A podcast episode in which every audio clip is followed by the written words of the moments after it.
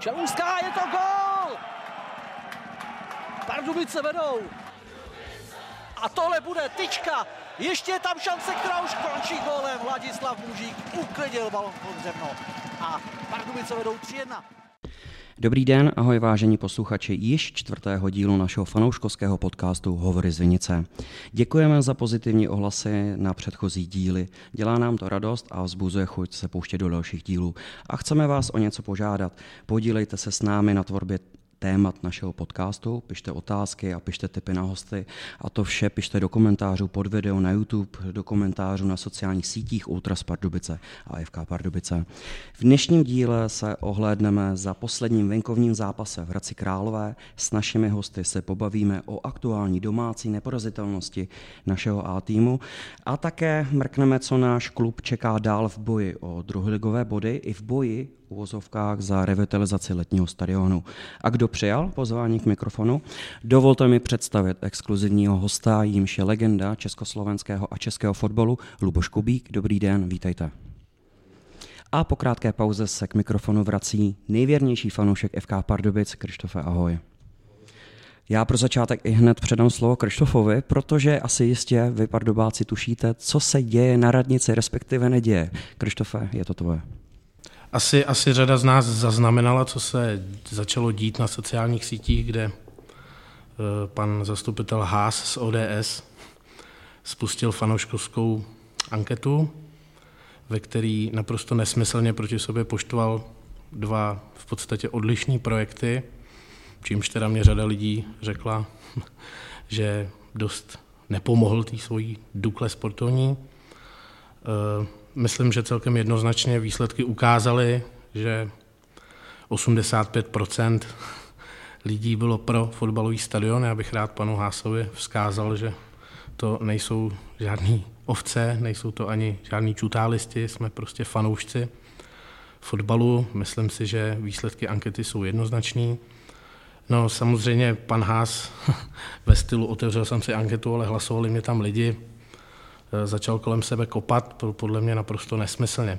Já bych tady chtěl říct několik věcí, které mě v souvislosti s tím, co se dělo, napadly. Za prvý, eh, já moc nechápu, proč eh, lokální politici, já teď nebudu to, nebudu to vztahovat jenom na pana Háse, nebudu to vztahovat jenom na ODS, je to obecný problém, to, jak se k tomu postavilo ANO, to, jak se k tomu postavil pan primátor, který je prostě manažer, který je lídr celé radní koalice a teď od toho dává ruce pryč, Eh, a říká, že vždycky podporoval fotbal, ale je přece jeho, jeho základní povinností jako lídra té koalice je zajistit, aby se sehnaly hlasy pro něco, s čím šel on do voleb jako s nosným tématem. A teď se najednou tváří, že to je vlastně chyba ODS. No není to chyba ODS. Já bych úplně tohle stranictví vynechal, já bych to šel důrazně po lidech. Já jsem chtěl říct, že pro mě jsou prostě milejší teď v podstatě ty piráti, anebo pan Sedlák, protože ty od začátku neříkají, že chtějí stadion, zatímco ano, ODS a ostatní strany šly do voleb jednoznačně se slibem, že bude stadion. My jsme dneska na internetu vyštrachali e, řeči z roku 2015, kde jednoznačně ODS a jmenovitě pan Haas jsou pro stadion, najednou to tak nejde. Druhá věc, kterou jsem chtěl říct, my jsme fanoušci, my jsme voliči politiků, my ty lidi volíme proto, aby oni svojí silou dokázali splnit své předvolební sliby. Čili obvinovat nás z toho, že špatně argumentujeme, eh, že jsme, jaký jsme, to je prostě chyba. Oni jsou tam od toho. Oni jsou volení kvůli tomu, aby naplňovali volební sliby. A obecně, já už jsem to tady říkal, ale nazývat nás čutálistama, eh, dělat z nás, já nevím, mám někdy pocit, že fotbalový fanoušek je na sociálním žebříčku někde pod narkomanama jo, v tomhle městě. A je, je mi to hrozně líto. E, navíc pan Haas, e, a nejenom pan Haas, tam je spousta, já ty jména nechci říkat, pan Klimpl, spousta lidí rozeštvala celý sportovní Pardubice, což se tady zatím podle mě nikomu do takovéhle míry nepovedlo. Jo, čili, čili teď najednou se začíná ozývat basketbal, který vlastně vždycky měl s náma problém. Nevím, přijde mi to smutný. Já si myslím, že náš dnešní host bude mít k tématu co říct, protože se na sociální síti celkem jednoznačně vyjádřil, což mě třeba osobně hodně potěšilo, protože si myslím, že jméno Luboše Kubíka je zárukou velké kvality.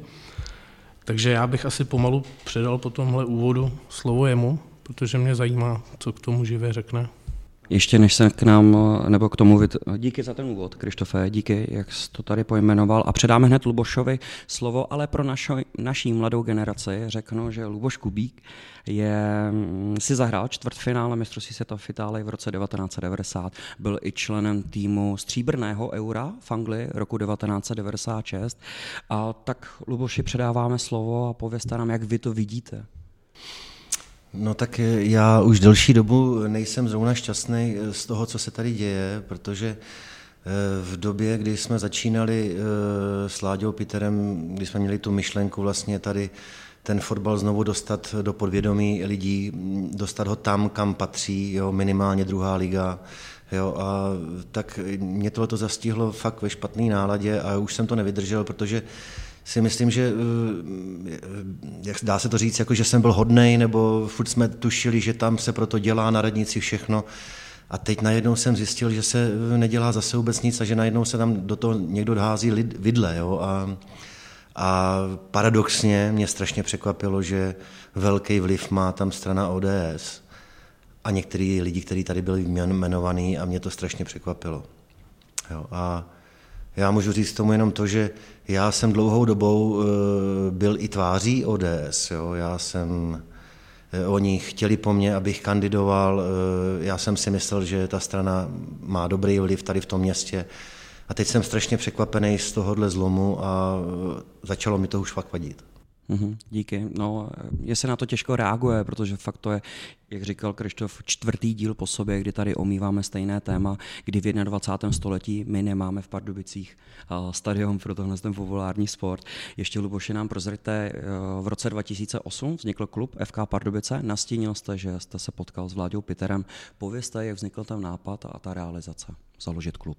Tak myslím si, že to bylo v době, kdy, kdy e, Tady se chodilo na, na, na dobrý fotbal, eh, druhá liga, dokonce se hrál pátý místo, čtvrtý místo za trenéra Pulpita a najednou eh, město eh, nedokázalo tady ten klub udržet, klub nám zmizel pryč a tady vlastně jsme s Láďou dostali takovou myšlenku dostat ten klub zpátky tam, kam patří a vyvinuli jsme teda úsilí a eh, vešli jsme do jednání s panem Rývou a snažili jsme se teda ten klub dostat zpátky tam, kam patří. A já si myslím, já si myslím že od té doby jako uteklo eh, několik let a, a ten klub je ve výborné kondici, teďka dokonce vedeme tady druhou ligu, jo, to je fantastický. Ale to, co mě tady prostě vadí, že že prostě my tady nemáme stadion, my tady máme stadion jak pro divizi, jo, a to jsme 100 tisícový krajský město. A e, ať už si tam potom přečtu někde na Facebooku, že všude někde, já nevím, e, basketbalisti v Bamberku mají krásný stadion, tak my to můžeme říct úplně to samý. Jo, v Německu, v Rakousku jsou nádherný stadiony, e, tam mají okresní města krásné stadiony a my bohužel tady už čekáme několik let na to, kdy konečně se eh, město dostane k tomu, aby povolilo tady postavit stadion pro pět tisíc diváků. Jo? Což by tady tomu klubu fakt slušelo a myslím si, že by si to zasloužil. Eh, oba dva, Krištof ani Luboš Kubík, nechtějí se moc vyjadřovat k eh, politické straně ODS a já mám teda pocit, že to je kvůli straně politické ODS, která blokuje to, aby tady nevyrostl nový letní stadion. Ehm, jak teda oba dva, pánové, vnímáte ten pohled toho pardubického združení ODS? Proč to tady teda nechtějí? Čeho se bojí? Umíme pojmenovat ty jejich iracionální, možná racionální námitky? Já fakt teda to, já to nechápu. Jo. Já jsem působil ve sportovní komisi čtyři roky. Jo. Tam jsme se o tom bavili skoro každou, každou schůzi. A mně připadalo, že jak pan Klimpl, tak pan Haas eh, neříkali ne. Jako myslím si, že jsme všichni měli jednotný názor, že ten fotbal, ten stadion tady potřebuje. Proto jsem z toho strašně překvapený, nemile. Jo. No, mě, mě právě překvapuje, že zrovna strana ODS, já teda ne, nebudu se tady bavit o svých politických preferencích, každý, každý nějakou máme, ale mě překvapuje, že z ODS se najednou ze dne na den stal v podstatě úhlavní nepřítel fotbalu v Pardubicích. Já, mm, jde to mimo mě, přiznám se. Očekával bych to úplně od jiných stran. A to není to jenom o té ODS. Já, já říkám, ta role, role ANO v tomhle mně přijde úplně stejně špatná, protože oni, oni, oni mají tu vedoucí, vedoucí roli teď na radnici. Šli do, šli, šli do nějaký koalice, šli, šli, šli do, do rady města s tím, že letní stadion je jeden z hlavních bodů. Tak teď nechápu, co se přes noc přihodilo, stalo, že že to je jinak. No. Já na to navážu, pánové. Půjdu obliga zase klasicky mimo scénář, co tady máme připravený. Já řeknu určitá, určité datumy a fakta, které přišly z Ligové fotbalové asociace. Od 1.7. roku 2022 je potřeba mít mimo jiné umělé osvětlení pro pořádání zápasů druhé ligy, poněvadž Česká televize, média budou chtít vysílat zápasy v pátek, v sobotu večer. Jo, protože Česká televize teďka má třeba třetí, čtvrtou volbu, teďka první ligu vysílá O2 a tak bude apelovat a je Ligové fotbalové asociaci úplně jedno, jestli druhá liga bude mít 10, 12 nebo 8 týmů. Je to skutečně jedno. Bude to více kolově. Já ještě dopovím, není to jenom o umělém uh, osvětlení, je potřeba vybudovat lepší kabiny pro hráče, pro rozočí, i pro média, parkoviště a tak dále. O dva roky déle, od roku 2024, bude potřeba mít uh, vyhřívané hřiště. Teďka my tady nebudeme mít vůbec žádný stadion ani pro tu druhou ligu. Teďka, Luboši, otázka na vás. V roce 2008, nebo ono už to asi vzniklo před rokem, napadlo vás to, že po, po 11 letech budeme řešit to, že tady nebudeme hrát ani druhou ligu? No, já si myslím, že jsme už hodně let ve skluzu. Jo, jako eh, v dnešním období rok 2019-2020 prostě hrát druhou ligu na stadionu, který má eh, každý desetitisícový město, to je prostě výsměch. Jo. A mě, mě je líto prostě, že eh, já vím, že Pardubice jsou hokejové město, že tady mají tradici, jo, že tady mají nádherný stadion a já ten hokej mám rád taky, jo, ale myslím si, eh, připočtu k tomu i basket, výborný basket, jo, vím, že tu halu teďka hrajou na Dašický, jestli je dobrá nebo ne, ale myslím si, že dostačuje, možná mě řeknou basketbalisti, že ne, ale dobře, eh, vrátím se k tomu, že ale ten fotbal je kde? Jako, teď se furt na něj zapomíná, teď je, je to sport číslo jedna, jo. To není deset, to je jedna, jo. A aspoň normální stánek by ty fotbalisti by měli mít, a ne ten, co mají, jako teď eh, opravdu na tento stánek jsem chodil se dívat na divizi. Jo. Ty to přesměru na Krištofa, no, fakta. No naprosto přesně. Já, já, já basket miluju, hokej mám taky docela rád. My to takhle vůbec nestavíme, že to je proti jiným sportům. Je to přesně naopak. Je to přesně naopak. Oni, oni postavili fotbal jako jediný sport, který, který je proti ostatním sportům. Naprostý nesmysl. My jsme sportovní město, to tady říkám taky po čtvrtý nebo po třetí, po kolikátý tady jsem.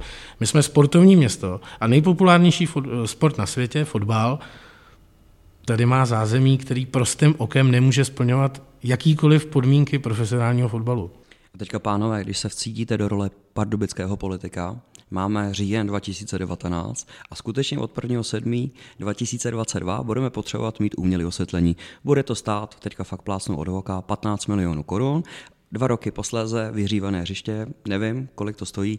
Co byste vy dělali? Protože přijít o fotbal, jak jste Luboše řekl správně, máme teďka famózní výsledky, ve výborné kondici je celý klub. Co teďka já jako politik bych měl řešit? Co dělat? No, těžký, no. Jako nedělat nic, že jo, ale to dovedeme jako do hrobu, no. No, jako já bych fakt byl strašně nerad, aby se stalo to, co se stalo, že ten, ta druhá liga byla zase odvedená někam do Sokolova. Jo. Sokolov má kolik tisíc obyvatel? Je to krajské město? Není. Jo. Do dneška tam hrajou druhou ligu. Jo. A já si myslím, že prostě eh, minimálně druhá liga sem prostě patří do Pardubic. Jo. I s tradicí. Krištofe, co já myslím, že, já myslím, že Chomutov a Most už se klepou. Už tady, no, je to smutný. Že, že naše licence bude velice chtěná. No. Ve druhém díle jsme tady měli Pavla Němečka, který se to týkalo. Byl tehdy v kádru toho týmu, když šel do Sokolova. Mu řekli, tak prostě jdeš do Sokolova. Pojďme teda pozitivně se bavit. Má, jsme na prvním místě, máme odehráno 11 kol, je tam jenom jedna jediná porážka. Luboši, tak jak se na to dívá, na ten pohled tabulku na druhou ligu? No, to, jako fantastický, jako já jsem to nečekal, jako je to nádherný, takhle dlouho, to už je kolikátý, desátý kolo. Mám pocit, že teďka budeme hrát v sobotu 12. kolo, Až 12. po 30 kolo do 11 kolech. Takže jako nádherný uh, umístění, fantastický uh, a navíc jako já, když jsem sledoval některé ty zápasy, tak mně se líbí i hra, jo, takže uh, právě proto už mě to štve s tím stadionem a já si myslím, že je potřeba pro to udělat, protože ten klub si to zaslouží, kluci si to zaslouží, fanoušci si zaslouží tady mít hezký stánek, aby se tady kopala ještě lepší, ještě, aby se tady kopal lepší fotbal ještě. Já než ještě díky předám slovo Krištofovi, já zmíním jednu statistiku. My jsme za těch 11 kol dostali 6 gólů. To je úplně neuvěřitelný, ale před 14 dny se nám zranil brankář Jirka Letáček, kdy ve východočeském derby Hradci Králové ho zaskočil Nikolas Šmíd. Já jsem si dohledal, že Nikolas Šmíd je mu 21 let, to si asi dohledáte taky.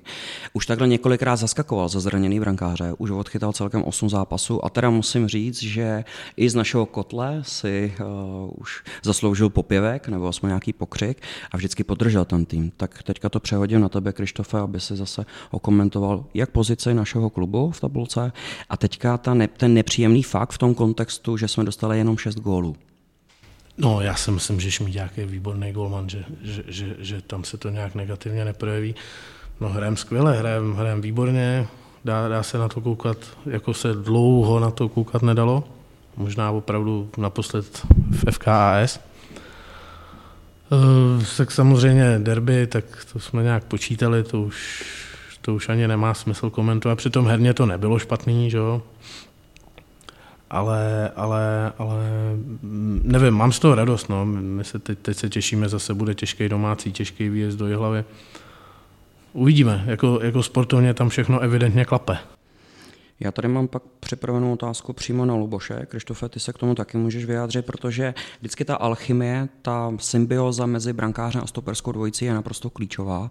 Jestli ty si ve svých angažmách, já to potom zmíním, kde jsi všude byl i v zahraničí, eh, jestli máš nějaký konkrétní příklad, kdy třeba zranění buď stopera nebo brankáře otočilo celý vývoj průběhu pak ke konci ty sezony.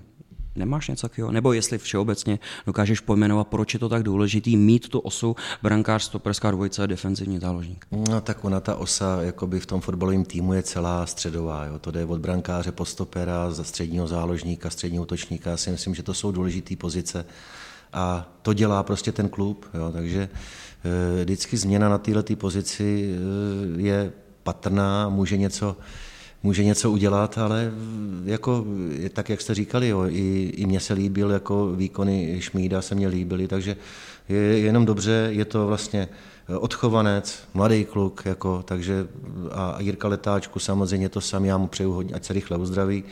Je to fantastická mladá dvojice a zatím plní svůj úkol výborně. No, teďka se ve mně vyvolal takový pocit, že mě mrzí, že odešel Lukáš Horníček do hostova do portugalské Bragy. Teď teďka mohl být velk, velký čas, jeho šance se ukázat v druhé lize. A tak eh, tady nikdo není z klubu, ale tak třeba v zimě by se ho mohli stáhnout na hostování, ale asi by to byla chyba vůbec v jeho vývoji kariéře, že jo, už se tam učí jazyk, adaptuje se na cizí prostředí. Já si myslím, že to je fantastická možnost pro mladého kluka a, a i to je jméno eh, FK Pardubice. Když náhodou on něco dokáže, všichni ostatní kluci uvidějí, jaký jsou možnosti. Eh, bude, udělá to další jméno pardubickému fotbalu a eh, já si myslím, že jenom potřebujeme popřát prostě výborný možnosti, aby tam měl, aby prostě se zdokonalil, aby, aby rostl v dobrýho golmana, protože či, co, co, jak, čím víc jako on bude dobrý, tím lepší jméno to bude dělat eh, pardubickému fotbalu.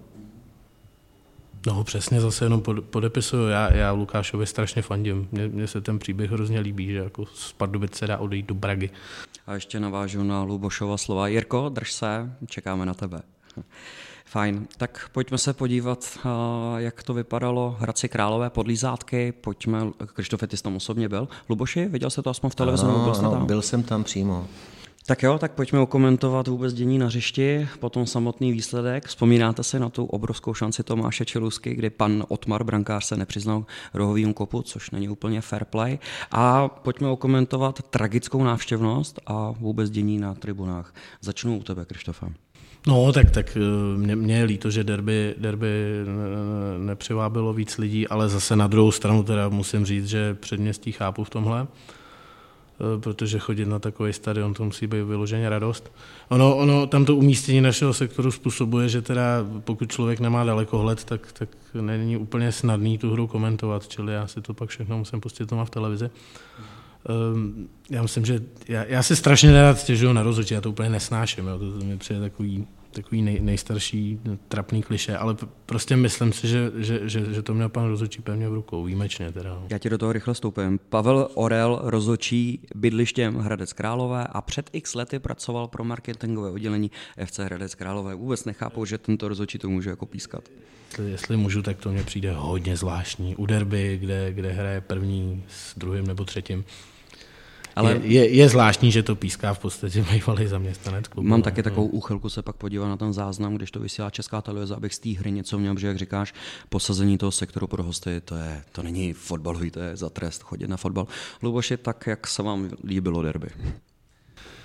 No, tak e, zrovna, co se týče fotbalově, tak e, to byl jeden z těch horších zápasů. A, a když to vezmu od začátku, jako tak jako tady v Pardubicích nemáme stadion, tak to nemají v Hradci. Což mě mrzí úplně stejně, protože asi víte, že já jsem v Hradci začínal, mládežnické kategorie jsem tam odešel, i za chlapy jsem hrál, takže stejně tak jako přeju stadion Pardubicím, přeju ho i Hradci, protože stejně tak budu chodit na fotbal i v Hradci, i tady a já prostě chci chodit do, na stadiony, které odpovídají dnešnímu století. Jo. Takže i jim přeju, ať už tam mají stadion, sakra protože na tento fotbal jsem se koukal ze 100 metrové vzdálenosti.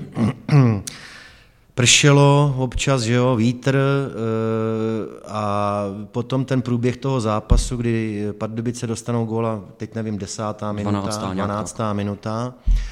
A eh, tam bylo vidět, že Hradec eh, ten zápas, dá se říct, ubojoval, všechno dal na to, aby ty body získal.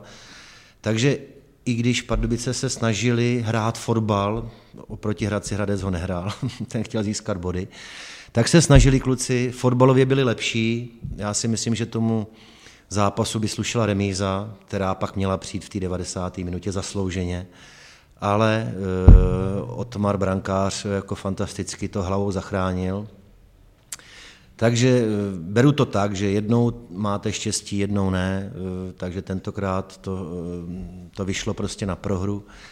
Ale celkově, když jakoby vezmu ty zápasy z této sezóny, tak to byl jeden z nejhorších zápasů který jsem viděl. Hmm. Derby všeobecně, a to je i třeba derby pražských hes, je to většinou válka, to nahecování je trošičku jiný, nebo i ta příprava celotýdenní, to asi budou vnímat trošičku jinak. A ještě tady máme to Jirku Mikera, co nám přišel na hostování, si vytrucoval hostování z Hradce, tak možná to bylo trošičku okořenější. Ty mluvíš, Luboši, o štěstí. Já teda jsem to nepočítal, protože bych strávil celý týden tím, kdy naposled jsme vyhráli derby. Vlastně my jsme ho nikdy nevyhráli jako soutěžní, ne? Já myslím, že jako pod názvem FKP rozhodně ne. Já si pamatuju, že FKS tam jednou vyhrálo 1-0. Takže my Pardubáce máme trošičku mindrák z toho derby. Co takhle jako změnit v té kabině, v té přípravě? Jestli jsi měl někdy nějakého soupeře, na který se fakt nedařilo, jestli jsi to cítili v kabině, o oh, je. Já jsem to měl úplně stejný. Já když jsem hrál za Slávy a v těch letech, když jsem tam působil, hráli jsme proti Spartě, tak nám nebylo přáno jí porazit. A za deset zápasů jsem ji porazil asi jednou. Takže úplně podobný a není to příjemný, ale ať se můžeš připravovat jednou tak, po druhý tak, prostě najednou to nejde. No a teď je situace obrácená, že jo, teďka najednou, já už ani ne, si nepamatuju, kdy Spartani porazili Slávy, že jo. Tři roky dozadu, ale no, no. jdeme trošičku někam jinam.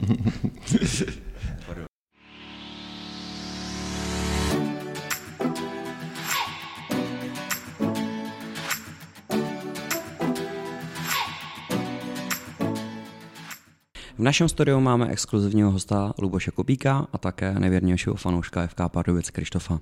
Pánové, já přejdu teďka k Lubošovi Kubíkovi. Nelze nevyužít tu možnost mít tady takovou legendu. Luboš Kubík jako hráč nejvíce proslul ve Slávě Praha na jaře roku 1986. Dal v drezu Slávě Praha v zápase proti Bánské Bystrici pět branek a přispěl k vítězství 7-0. Luboš je trošku podobný výkon jako Messi nebo Ronaldo, ne?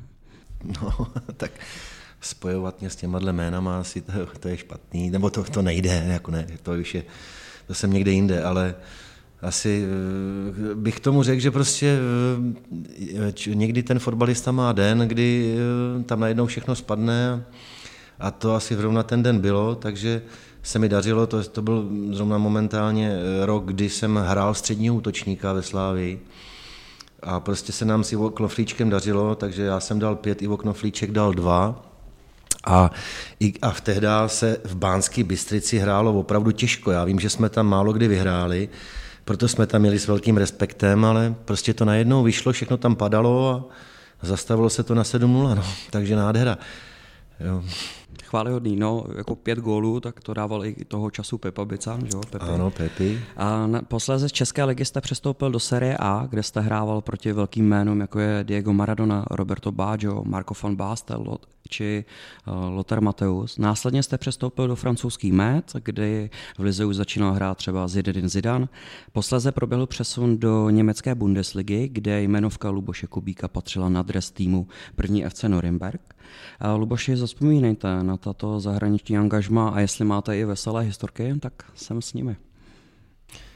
No tak, eh, když začnu eh, Itálii, Serie A, tehdy v té době eh, si myslím, že se hrála nejlep, to byla nejlepší liga v Evropě, protože všichni hvězdy hráli tam. Jo. Jak jste už tady jmenovali, Mateus, Inter Milan měl Mateus Breme Klinsmann, AC Milan měl Van Basten Chulit Rijkaard, Neapol měla Maradonu s Karekou, jo, pak tam hráli vynikající italský reprezentanti, takže kvalita byla fantastická.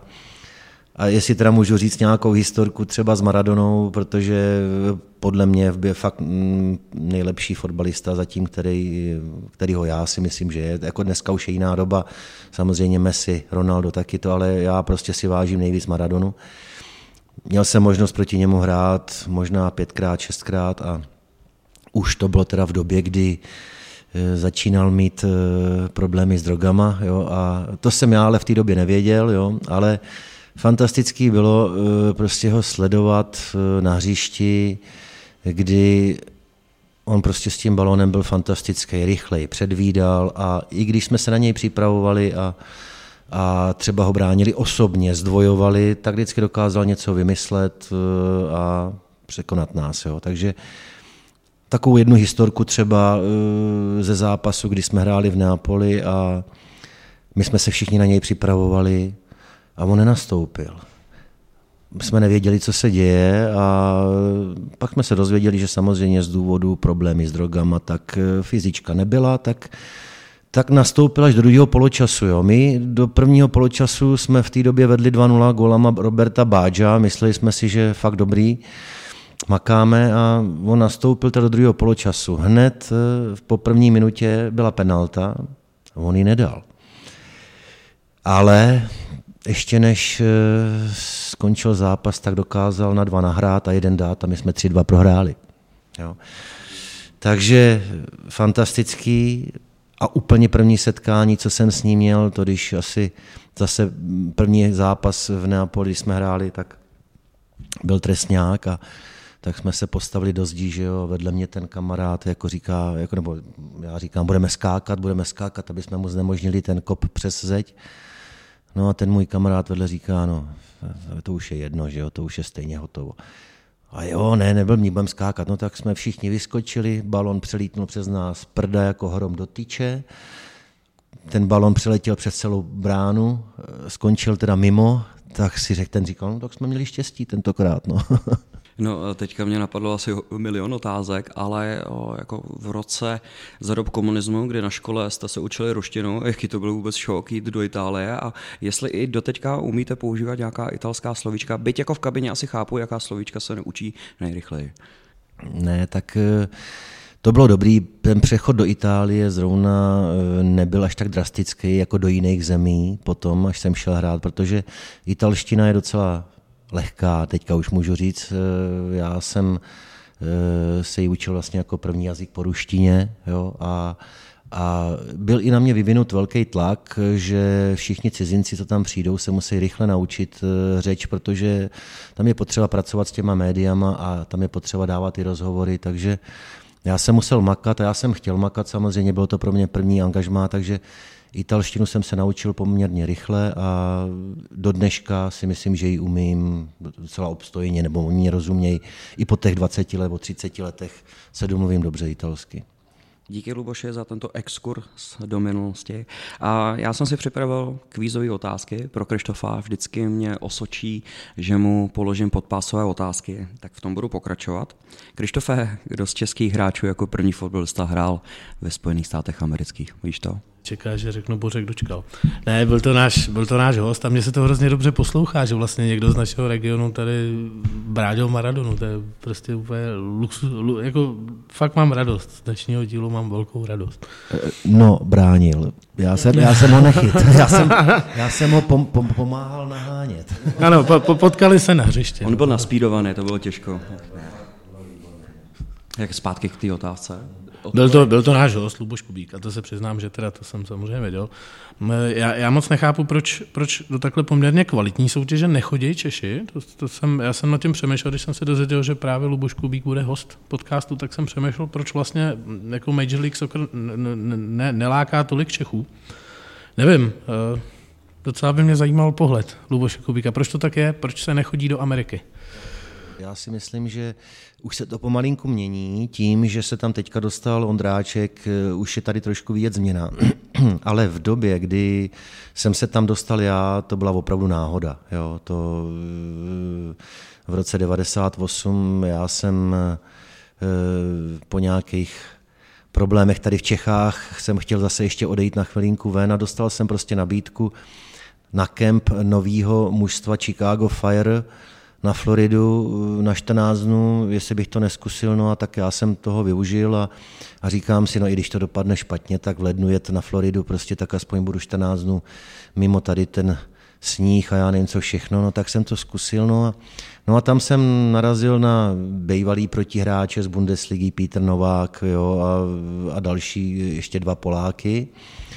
No a tak jsem si tam zkusil prostě, podepsal jsem jenom kontrakt na rok, i když oni chtěli na díl, tak já jsem zkusil jenom zatím, že rok, že vůbec nevím, kam jdu. A nám se podařil fantastický rok, že jsme vyhráli ligu i pohár a, a tím pádem se mi tam zalíbilo, přišla hnedka prodloužení kontraktu a, a, a, a tím pádem jsem tam strávil čtyři fantastické roky v Americe.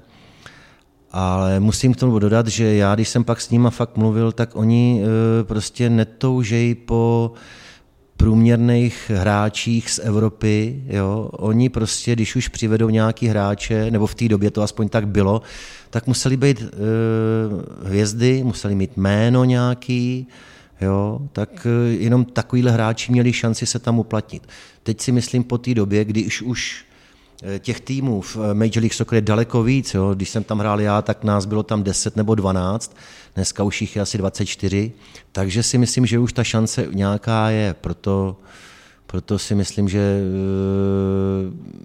se tam mohl dostat Bořek Dočkal, myslím si, že dost velkým přispěním i mě se tam dostal a, a teďka už je Ondráček, takže už ta šance, že se tam někdo dostane, je větší. Byl rok 1988, vy jste říkal, že jste dostal možnost využít, no vy jste to využil perfektně, protože dočetl jsem se při přípravě tohoto scénáře, dal jste 18 gólů celkově v té Americe, což mi jako vždycky vrtá hlavou, vy jste dával spousty gólů, byť jako vždycky v těch životopisech je psáno obránce lomeno záložník. Jo, to mně přijde úplně, a ještě než se k tomu vyjádříte, vy jste, jako, myslím, že i v té první sezóně jste dostal cenu Defender of the Year, jako by nejlepší bránící nebo bránce soutěže. Lepší obránce soutěže a já nevím, možná to bylo i spjatý s tím, s tou mojí aktivitou, protože eh, já jsem prostě měl, eh, jednak jsem hrál v dobrým manšaftu, v dobrým složení, eh, trenér mě nechal dost útočit z pozice libera, kluci, kteří měli na starosti pak za mě bránit, tak to plnili velice dobře.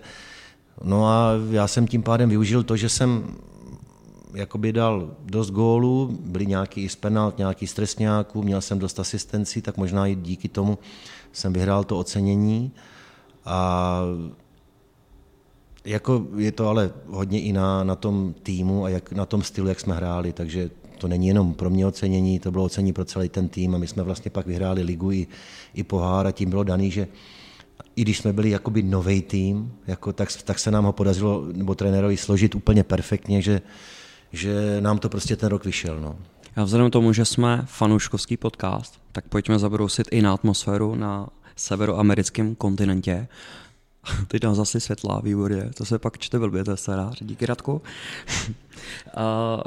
Krištofe, koukáš na zápasy a Major League Soccer, jestli to vyslovují správně, protože já když kouknu třeba na Toronto, tak tam už taky vzniká ultrascéna, tak jestli k tomu... Jo, snažím se, oni to dávají na Eurosportu. A tak, tak jako když je to nějaký jako, jako normálnější, normálnější čas, tak si to pustím. Tak ten, ten, ten fotbal je takový zvláštní, je dost, je, je dost jako specifický, svérázný a stejně taky to fandění. Ono, já jsem se díval na nějaký videa, to jak ty říkáš Toronto, nevím přesně, co to bylo za tým, je, z toho vidět, že to je taková trošku ještě pořád jako nápodoba těch evropských ultras, ale, ale, ale, ale já nevím, já, já, já nejsem příznivce toho, že se říká, že v Americe se nefandí, protože co mám zkušenost z, z jiných sportů, kde jsem byl, tak tam se fandilo úplně normálně, úplně stejně jako v Evropě. Já, já nevím, ale mě by hrozně zajímalo ten rozdíl. Mě by, mě by zajímalo celkově ta fotbalová kultura, Uh, ono teď se to změnilo, protože, jak jste říkal, tak, tak těch týmů teď tam je, to rozšíření bude opravdu velký. Ale zajímá mě okolo těch zápasů, co se děje. Oproti Itálii to je asi pořád jako velký rozdíl, že ho předpokládám na tribuně. A, a celkově zájem lidí o fotbal, vůbec prostě srovnat trošku teda jako série A a MLS nebo klidně. No tak MLS teďka opravdu se čím se zkvalitnila, daleko víc manšaftů, e, začaly tam být regule, který e, určovali týmům, že musí mít stadiony fotbalový, ne jako dřív, my jsme kopali na americkém fotbalovém stadionu. A i ty fanoušci, jakoby, e, pro ně to je daleko lepší, ten kontakt s těma, s těma hráčema a já si myslím, že už skoro všichni ty kluby ty stadiony mají. Oni to dokázali, dostali nakázáno, oni ty stadiony vybudovali a musíme si uvědomit, že, že e, na ty stadiony chodějí hodně ty přistěhovalci, což z jedné strany to jsou Evropani a z druhé strany to jsou středoameričani a jihoameričani. Jo? A těch tam je opravdu hodně. Jo? Takže když e, si vezmu třeba západní e, coast, že tam je, tam je Eh, hodně těch klubů z Los Angeles jo, a, a ty tam mají velkou eh, podporu těch Mexičanů jo, a ty si myslím, že dokážou udělat výbornou atmosféru. Jo. Naproti tomu zase třeba New York nebo Boston nebo Washington, tam je hodně těch Evropanů a ty dokážou taky. Jo. My, eh, co jsem hrál za Chicago, my jsme tam měli hodně středo, evropských fanoušků, Poláků je tam hrozně moc, jo, a ty dokážou fandit, jo. Takže asi takhle. Tam se, a když teda ještě vezmu porovnání tou kvalitou, jako eh, do, do těch klubů je zapojeno strašně moc lidí. Jo. Oni si myslím, že v čem jsou lepší, američani mají perfektně zvládnutý marketing, takže já jsem úplně koukal, kolik eh, v ofisu pracuje lidí pro ten fotbalový manšaft a a kolik nás je vlastně na hřišti a jakoby trenérský tým, jo, tak eh, jenom co jsem, a to byl začátek 98. Tak jestliže na, my jsme byli třeba hráčů a trenérů, nás bylo třeba 30, 35, jo, s maserem a s tím, s tím se vším, tak v ofisu pracovalo na 80 lidí. Jo. A když to vezmu zpátky, když jsem, si pamatuju, když jsem hrál za francouzský FC Met, eh, prvoligový tým ve Francii, tak tam jsem přišel do, eh, na, na, jak se to řekne, do kanceláře, tam bylo šest lidí, co to dělalo. Jo. Prezident, sekretář, já nevím co, a ta, ta, další nějaké pět lidí, šest lidí dělalo francouzskou ligu. Takže, eh, jak říkám, oni mají v Americe fakt zmáknutý perfektně marketing a tam pracuje spousta lidí na tom, aby přitáhli diváky. Jo. Do těch, do těch stadionů, dělají spousta akcí i mimo. Jo, teď, teďka nakonec to můžu i říct, že nakonec můj syn dělal teďka tři roky, poslední tři roky dělal pro Philadelphia Union, takže ten mě říkal, a co tam je prostě práce okolo. Když teda není jenom ten trénink nebo ten zápas, co se všechno dělá a to se jede 24 hodin denně. Tak jsem moc rád, že tady slyšíme, že co se týče po marketingové scéně FK Pardubice, hm, nějaká.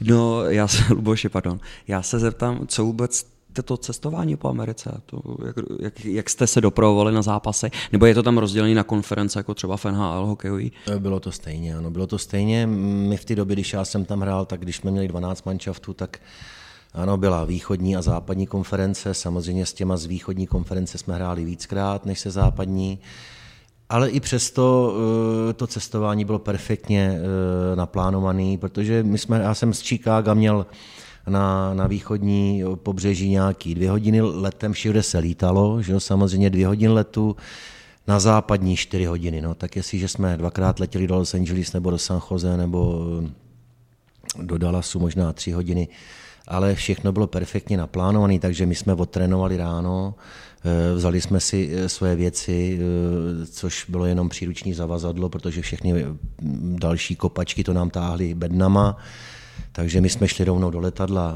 žádný velký kontroly nebyly, jo, protože... Mm-hmm. Před teroristickým útokem no, no a ten pak přišel. a to, my jsme někam odletěli, tam jsme přiletěli, tam nás čekal autobus, odvez nás do hotelu a prostě cestování perfektní. No já proč se ptám, protože nedávno v světovými médii proběhla stížnost Vejna Rooneyho, který hrál v Británii, že jo, za za co? Za Manchester United. A Everton a pak Manchester United, ano. Tak ten si stěžoval právě na to cestování, tak on je asi zíčkané. Tak jednak on to má horší, protože on hrál za DC United Washington a oni, když musí letět 6 hodin do Los Angeles a 3 hodiny posun času, tak to je náročný. Jo? A je pravda, že někdy oni mají e, naplánované zápasy e, nějak opravdu divně, že i mně se jednou stalo, nebo nám v Chicagu se stalo, že my jsme třeba během osmi dnů odehráli čtyři zápasy. Jo? A to už jsme opravdu tahali e, nohy, já nevím jak, jo? Ale, ale s tím nic neuděláte, prostě v, svaz to tak nařídil, prostě trenéři nám řekli, nedá se nic dělat, hrát to musíme, takže jsme to odehráli, no ale jak kvalitně, to už pak bylo na očích fanoušků vidět, že jo. Díky i za tento exkurs na jiný kontinent. A já tady mám další otázku. Vědomostní soutěž pro Krištofa totiž nekončí. A Krištofe, víš, kdo z Čechů je se jako jediný zúčastnil fotbalového mistrovství světa v Jihoafrické republice v, roti, v roce 2010 a abys to neměl úplně jednoduchý, v jaký roli? No, eh, tak přiznám se, že tu roli jsem se teda musel tady narychlo dohledat, ale, ale byl to opět náš host. A to se přiznám, že to, to, to mě jak úplně jako uniklo. Kdyby se mě zeptal na ulici před týdnem, tak bych to teda nevěděl. A to, to, to by mě taky docela zajímalo, jak se to takhle Já stane. Naše posluchače ještě zdůrazním. Asistent americké reprezentace fotbalové. Jediný Čech na tomto turnaji. A ještě teda před naším natáčením tohoto podcastu jsme se rozvěděli, že jste byli s touto reprezentací ve stejné roli i na olympiádě. Tak jaké to tam bylo v africké reprezentaci? Co vůzeli? no jeli, jeli.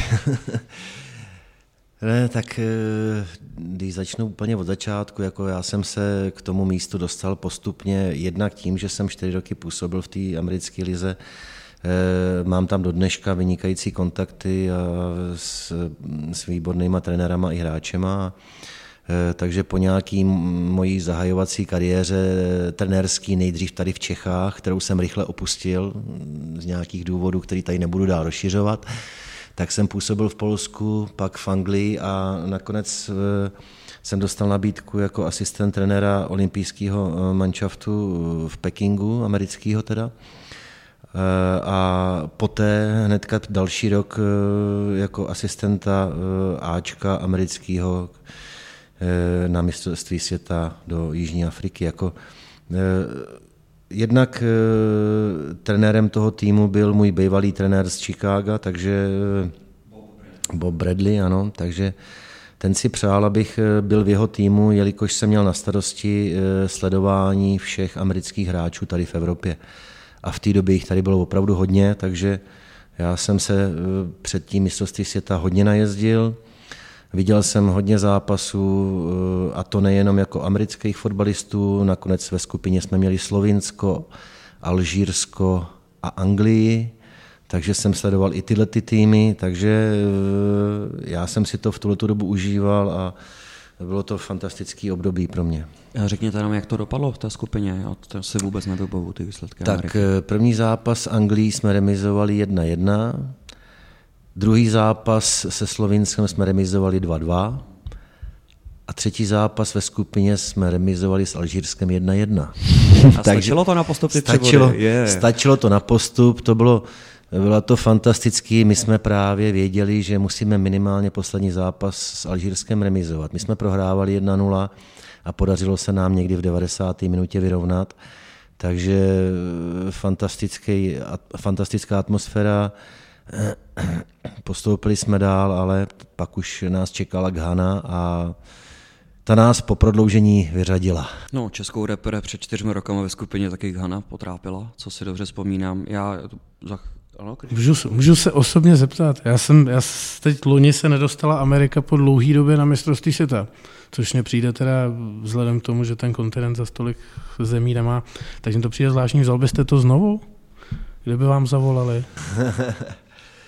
Eh, já si myslím, že jo, to se neodmítá tohleto. Jako to, to období bylo fakt krásný, jako já jsem měl možnost vidět několik zápasů v několika ligách, výborní hráči a navíc jako eh, v americkém týmu, myslím trenerským, se pracuje fakt dobře. Jako tam zas, zas až taková kritika tam není, jako je tady. Jo. Eh, máme dobře rozdělený nějaký ty role, jako byly, jo, všichni pracujeme na tom, aby, aby prostě ten výkon byl co nejlepší a, a fakt eh, na to se nedá zapomenout. No.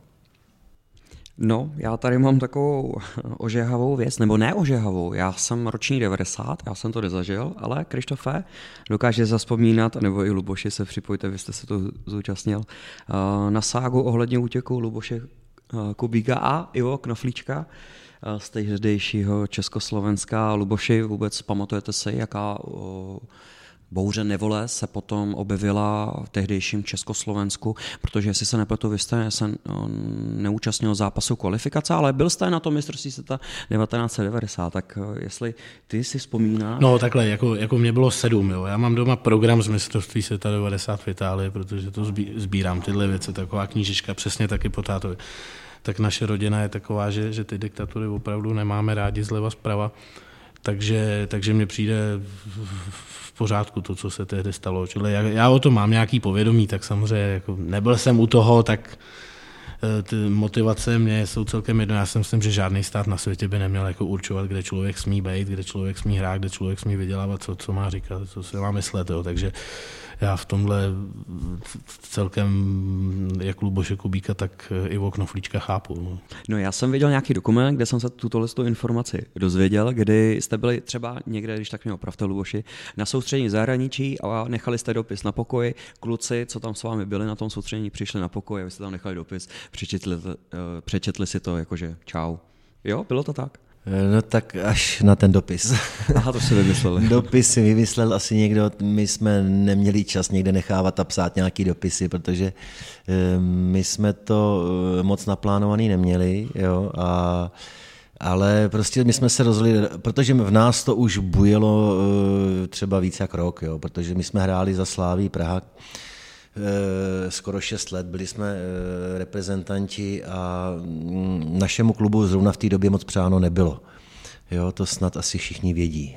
Jo, a eh, prostě ta doba už prostě tak naš, nadešla, že my už jsme to nevydrželi a, a furt jsme se o tom bavili, jestli jo nebo ne. A, no a takže tam byl, proje, tam byl nějaký kontakt, my jsme byli v Německu na soustředění, přijel za náma nějaký kontakt, který my jsme věděli, že, že mají o nás zájem Derby County. No, takže eh, my jsme se prostě rozhodli ze dne na den. ale v tom anglickém derby country, kde hrál i Dušan Švento, jestli se nepletu, jste toho moc neodehrál, ne? Že jste byl zraněný? Nebo Eh, jestli ne, si ne, ne, to, to je pak dlouhá anabáze, že jo, protože eh, jednak jsme utekli eh, bez pasu, tehdy se totiž, eh, když jsme odjeli přes hranice, tak se sbírali pasy, určitě ta jsme tam měli nějakého činovníka z STB, který to kontroloval, takže my jsme eh, narychlo v teplákovkách s taškou, já nevím, každý jsme měli třeba 300 marek tehdy v kapse, jsme utekli a, a na nás čekalo auto a když jsme se dostávali přes hranice, tak jako nebyl problém přejet z Německa do Holandska, z Holandska do Belgie, tam nebyl problém, ale problém byl dostat se do Anglie, jo, bez pasu, takže my jsme strávili s Ivo Knoflíčkem 6 měsíců eh, na cestách, eh, museli jsme, pak jsme se dostali až do Španělska, tam jsme pět měsíců si vybavovali nějaké dokumenty, aby jsme se konečně přes Gibraltar mohli dostat do Anglie.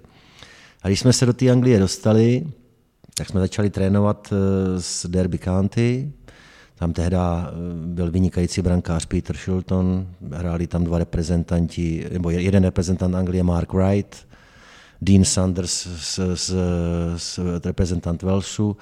Měli vynikající tým, byli v prostředku Premier League. Jo? A, ale došlo k situaci, kdy my jsme vypozorovali, že oni nás prostě chtějí mít zadarmo, že za nás nechtějí zaplatit. Takže oni čekali na tu dobu diskvalifikace jednoho roku, pak začal někdo uvádět, že jeden a půl roku.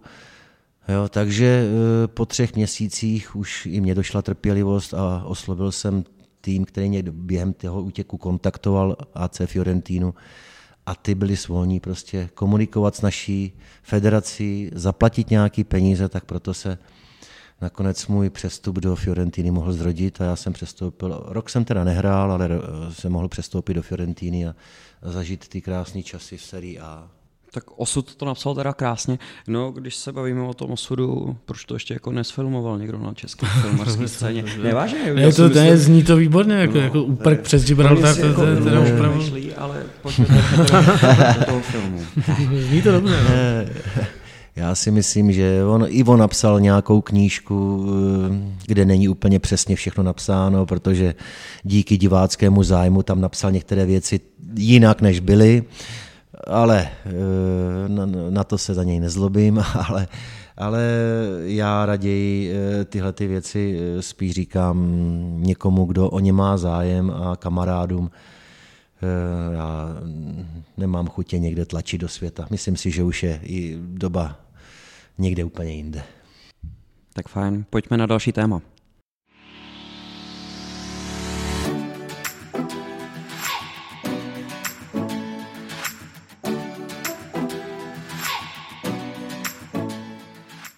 S námi ve studiu sedí Luboš Kubík a Krištof, kdy se v následujících minutách budeme bavit o nadcházejících důlech našeho ámužstva a nelze opomenout dechberoucí domácí neprozitelnost. O víkendu nás čeká domácí zápas s Třincem, jelikož tento díl podcastu vyjde po vítězném zápase s Třincem, doufejme, který je mimochodem nejlepším týmem na cizích hřištích společně s našimi hráči v celé soutěži. A my jsme naopak doma neprohráli 24 zápasů zápasů v řadě. Pro fanoušky čísel je to konkrétně 2160 minut. No a Krištofe, tvůj komentář a Luboš je váš taky k této úctyhodné domácí sérii. 24 zápasů a datumově to vychází od dubna 2018 do října 2019. Neuvěřitelný. Je to vaše? No, je to super, krásně, krás, krásně se na to kouká, krásně se na to chodí. Ne, netuším, proč to tak je. Asi si to všechno sedlo. My se snažíme k tomu přispět, no nevím do jaký míry, to je důležitý rozhodující faktor. Máme z toho radost, věřím, že Třinec taky porazíme a zase to trošku natáhneme. Zní to dobře, když se to takhle řekne, že to je. Já jsem zmínil 24 zápasů, počítal jsem to několikrát, vždycky mi to nějak ujelo, buď je tam 18 nebo 19 výher a buď 6 nebo 5 remíz. Neuvěřitelný. Luboši. No, to je nádherná série. Já si myslím, že málo klubů se může pišnit takovouhle sérií, takže klobou dolů e, před hráči, před trenéry, před všema, kteří se o to zasadili, ale já se nepamatuju, že by někdo měl takhle fantastickou sérii, takže toho si musíme vážit, fanoušci taky a i kdyby přišel jakýkoliv nějaký kolísání za kolísání někde, tak eh, musíme to prominout, protože po takovéhle sérii to je prostě nádhera. Luboši, jako zkušený fotbalista, trenér, co je všeobecně výhodou domácího prostředí a může tam hrát ten fakt, že když sem dojedu z daleka a my tady hrajeme v sobotu 10.15, byť teda v druhé lize třeba Sokolov hraje v 10.15, Viktor Žižkov Třinec mimochodem taky hraje v 10.15, tak jestli náhodou ten Třinec na to nebude najetý v tom režimu, že umí v sobotu v 10.15 hrát a neprohrál ještě zmiňu v této sezóně, nebo jsou nejlepším venkovním týmem. No tak eh, jedna z těch variant tady je správná asi, je to taky možný, ale eh, já musím říct, že z hlediska dospělého fotbalu mně se ten čas taky nelíbí.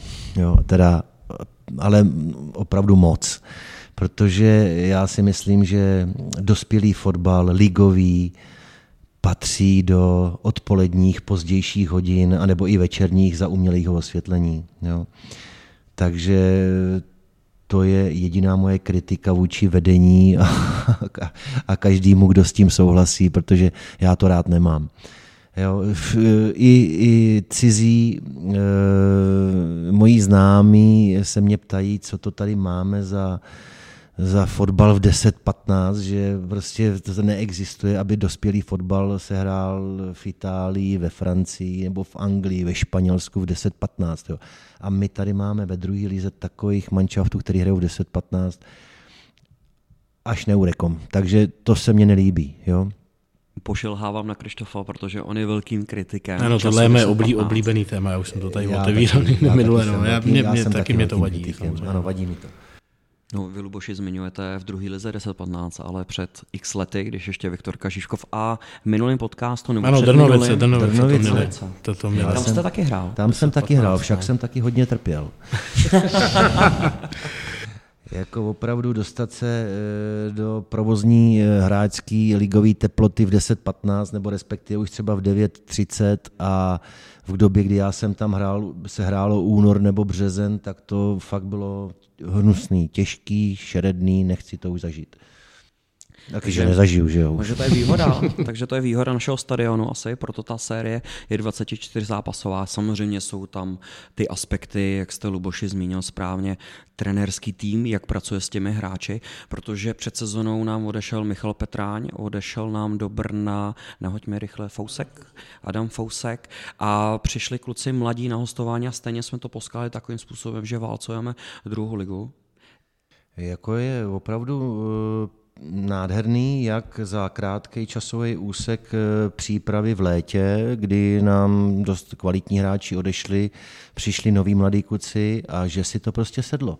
Jo, to je super. Jako. Mě to hodně připomíná, ty, eh, bude to znít divně od fanouška Pardubic, ale připomíná mi to takový ty velký evropský velkokluby, jako je třeba Barcelona, Real Madrid, kdy celkově filozofie klubu je tak přivést jednoho, dva hráče už do fungujícího systému. Evidentně my už tady máme v tom kádru nastavený fungující systém, jak hraje obrana spolupráce, nebo respektive, že brání celý mužstvo.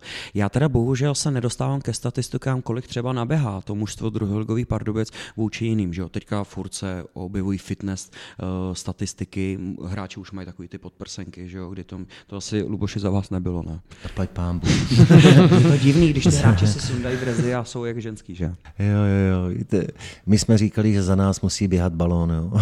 ale, ale ne, ne, ne, no prostě ten fotbal už se někam posunul a už je to fakt vědecký, počítačově, statistiky, prostě přišlo to, ze všech jiných sportů a už se bez toho nedá žít. No. Už to jede úplně stejně jako v hokeji, basketu, fotbal je úplně na stejné úrovni. No.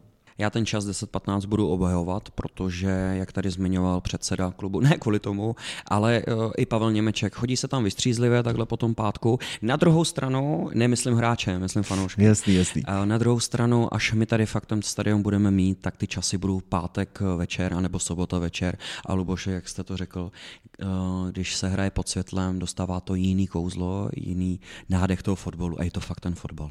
Jinak jinou. Hezký. Um, Krištofe, budeme se o tom ještě bavit? Nebo... No, no, já v pohodě. O, o Vždycky to dostáváš tady v to.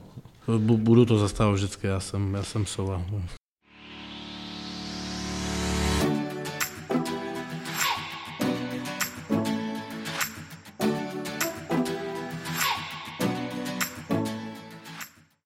Bavili jsme se eh, před půl hodinkou o Lukášovi Horníčkovi, který šel hostovat do portugalské Bragy. Já něco zmíním. Český talentovaný záložník mění Pardubice za Rangers vedené Stevenem Gerardem.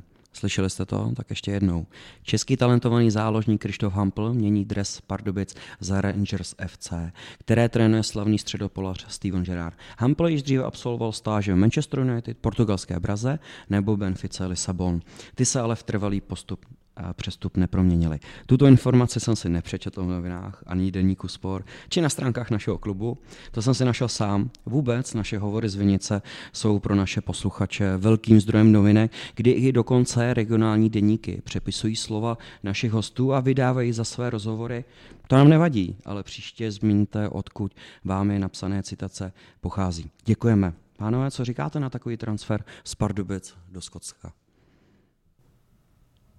No, tak já se k tomu stavím zase výborně, jako vynikající. Už eh, tak, jak jsem zmínil, eh, cesta Horníčka do Bragy, i, i tahle ta cesta prostě je další eh, krásný zvětšení jména FK Pardubice a že se tady dělá dobře. Další impuls pro mladý kluky, aby na sobě makali dál a dál, aby se dostávali do takovýchhle klubů a je vidět, že se můžou dostat eh, eh, Pardubice jako klub do podvědomí i dalších evropských klubů velkých. Krištofe, Skotsko, Steven Gerrard. Určitě. Člověk se sympatickým jménem přistupuje do Rangers, to se mi líbí. Je to taková odměna, je to, taková, je to takový ocenění práce celého toho klubu. Jo, to, to není kliše, to je prostě pravda. To, je, je vidět, že to tady funguje z tohohle pohledu. V přestávce jsme se tady, pánové, bavili o tom, jak eh, FK Pardubice dodávají reprezentanci, eh, reprezentanty do mládežnických kategorií. Já zmíním fakta, který zmiňoval kamarád Luboše Kubíka, pan Karel Poborský, tím ho zdravíme, kdy eh, reprezentanti v kategoriích U15 až U21 jsou v ratingu v České republice na třetím místě za Pražskou Spartou a za Pražskou, Pražskou Sláví jestli opět to je potřeba zdůraznit, není tam Liberec, není tam Baník Ostrava, není tam žádný jiný druholigový klub, jsou to skutečně naše FK Pardubice, město sportu, které se tady z pardubické hranice, radnice nepodporuje. A co se týče ještě dalších čísel, které tady nemám, ale tahám to z hlavy, jsme na pátém pořadí v dodávání mládežnických reprezentantů v těch nižších kategoriích. Takže není to žádná náhoda. My tady máme regionální i klubovou akademii. A ještě jedna věc, kterou politici absolutně jako zapomínají. My tím, že nemůžeme pak hrát druhou ligu, to, že tady nebude stadion, tak klub FK Pardubice sám o sobě statí, ztratí status regionální akademie. My přijdeme o, to, o tuto možnost, kdy asi mě pánové doplní, když vzpomeneme um, pardubické sporty, kolik kdo z nich dodává do reprezentací uh, své talenty. Tak pánové, pojďte rozebrat tuto úvahu, tato fakta. Tak jestli můžu já jako první, eh, já nevím situaci v jiných eh, oddílech tady, jiných sportech eh, a no nebudu, ne, nevím a nebudu, protože nemám ty informace a já hokej fandím, takže já jim přeju, ať prostě jsou taky co nejvýš, ať dodávají co nejvíc talentů, basketu jak by smet, jo. Já se spíš jenom zase vrátím k fotbalovému klubu, kdy uh, si pamatuju moc dobře, že když eh, jsme tady začínali s Láďou Piterem ten klub eh, dávat nahoru, dostávat nahoru, tak si pamatuju, že tady těch reprezentantů mládežnických moc nebylo. A trvalo to hodně dlouho a myslím si, že až teprve se ukazuje, že teprve ta dlouhodobá práce nastavená eh, je asi správná a že to konečně nese nějaký ovoce a já musím jenom ten klub pochválit, že opravdu eh, být třetí za Spartou a Sláví, teda to v českých podmínkách je fantastický. Teda.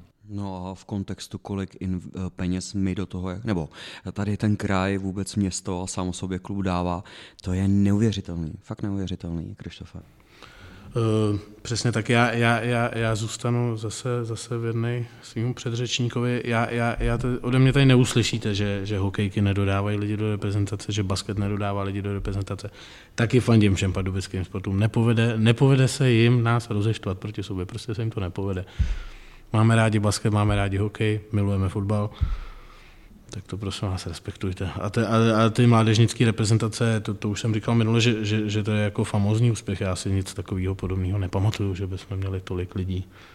Dělá mi to radost. V dorosteneckých reprezentacích. Jak Luboš říkal, je to ocenění těch lidí, co se o to starají, ale to není jenom jako o, Jirky, o Jirkovi Krejčím, to je o těch mládežnických reprezentantech. My jsme tady v předcho, před předchozím dílem měli Pavla Němečka, což je trenér U19. Toho času byli první v tabulce fantastických, jako do 19 let mi tady takové kluky na prvním místě. A potom, když tady slyším ještě vás, Luboši, jak to dokážete ocenit a pojmenovat hezky. No jo, no, tak ne, zatlačím slzu asi.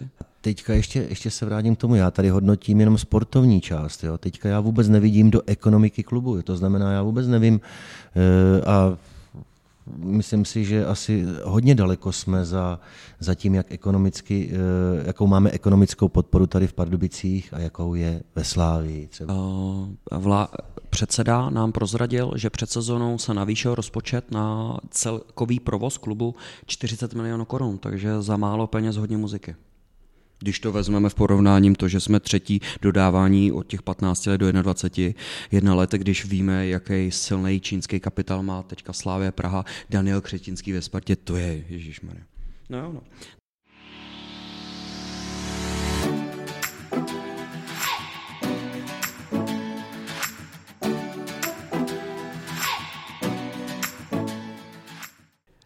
Na závěr bychom chtěli něco říct, respektive já. Jménem Ultras Pardubice vyzýváme členy pardubické ODS k přehodnocení názoru a vyjádření podpory pro návrh revitalizace letního stadionu. Pokud tak neučiní, rádi uvítáme informaci v médiích o jejich rezignaci. Byli jste zvoleni lidmi. Mezi zájmy lidí patří fotbal, vys anketa pana Háse na jeho osobním facebookovém profilu. Konejte v zájmu lidí, nikoli v osobních prospěch. Touto zprávou pro hrobaře fotbalu z ODS se budeme za chvíli loučit a uvidíme se na Vinici. A já teda furt pevně doufám, že oni přeci tyhle ty tři pánové nemohou zničit něco tak krásného, tak celosvětového, jako je fotbal. Krštofe. Oni to nezničí, oni nám to znechutějí jenom. Ale to, to vůbec nic neznamená, využijeme všechny, všechny, všechny možnosti, všechny prostředky, které máme. Jak říkám, eh, tohle město nerozdělíte, to město bude sportovní navždy a fotbal bude pevnou součástí. Všichni, jak jsme tady, tak to víme a těšíme se na to. Luboši, teď vaše poselství, vaše zpráva. Já úplně stejně, já prostě furt apeluju nejenom na politiky, ale na na, na všechny lidi tady v Pardubicích, že fotbal je sport číslo jedna a tak jako sem patří hokej, patří sem i fotbal. A ten klub si zaslouží nový stadion a myslím si, že sem bude chodit spousta fanoušků, když eh, tady bude takovýhle série neporazitelných zápasů. Pánové, děkuji, vážení posluchači, díky za vaši pozornost a opět se příště uslyšíme. Naschledanou. Naschledanou. Naschledanou.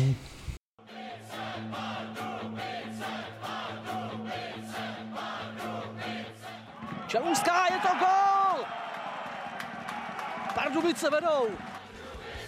A tohle bude tyčka. Ještě je tam šance, která už končí gólem. Vladislav Mužík uklidil balon pod zemno. A Pardubice vedou 3-1.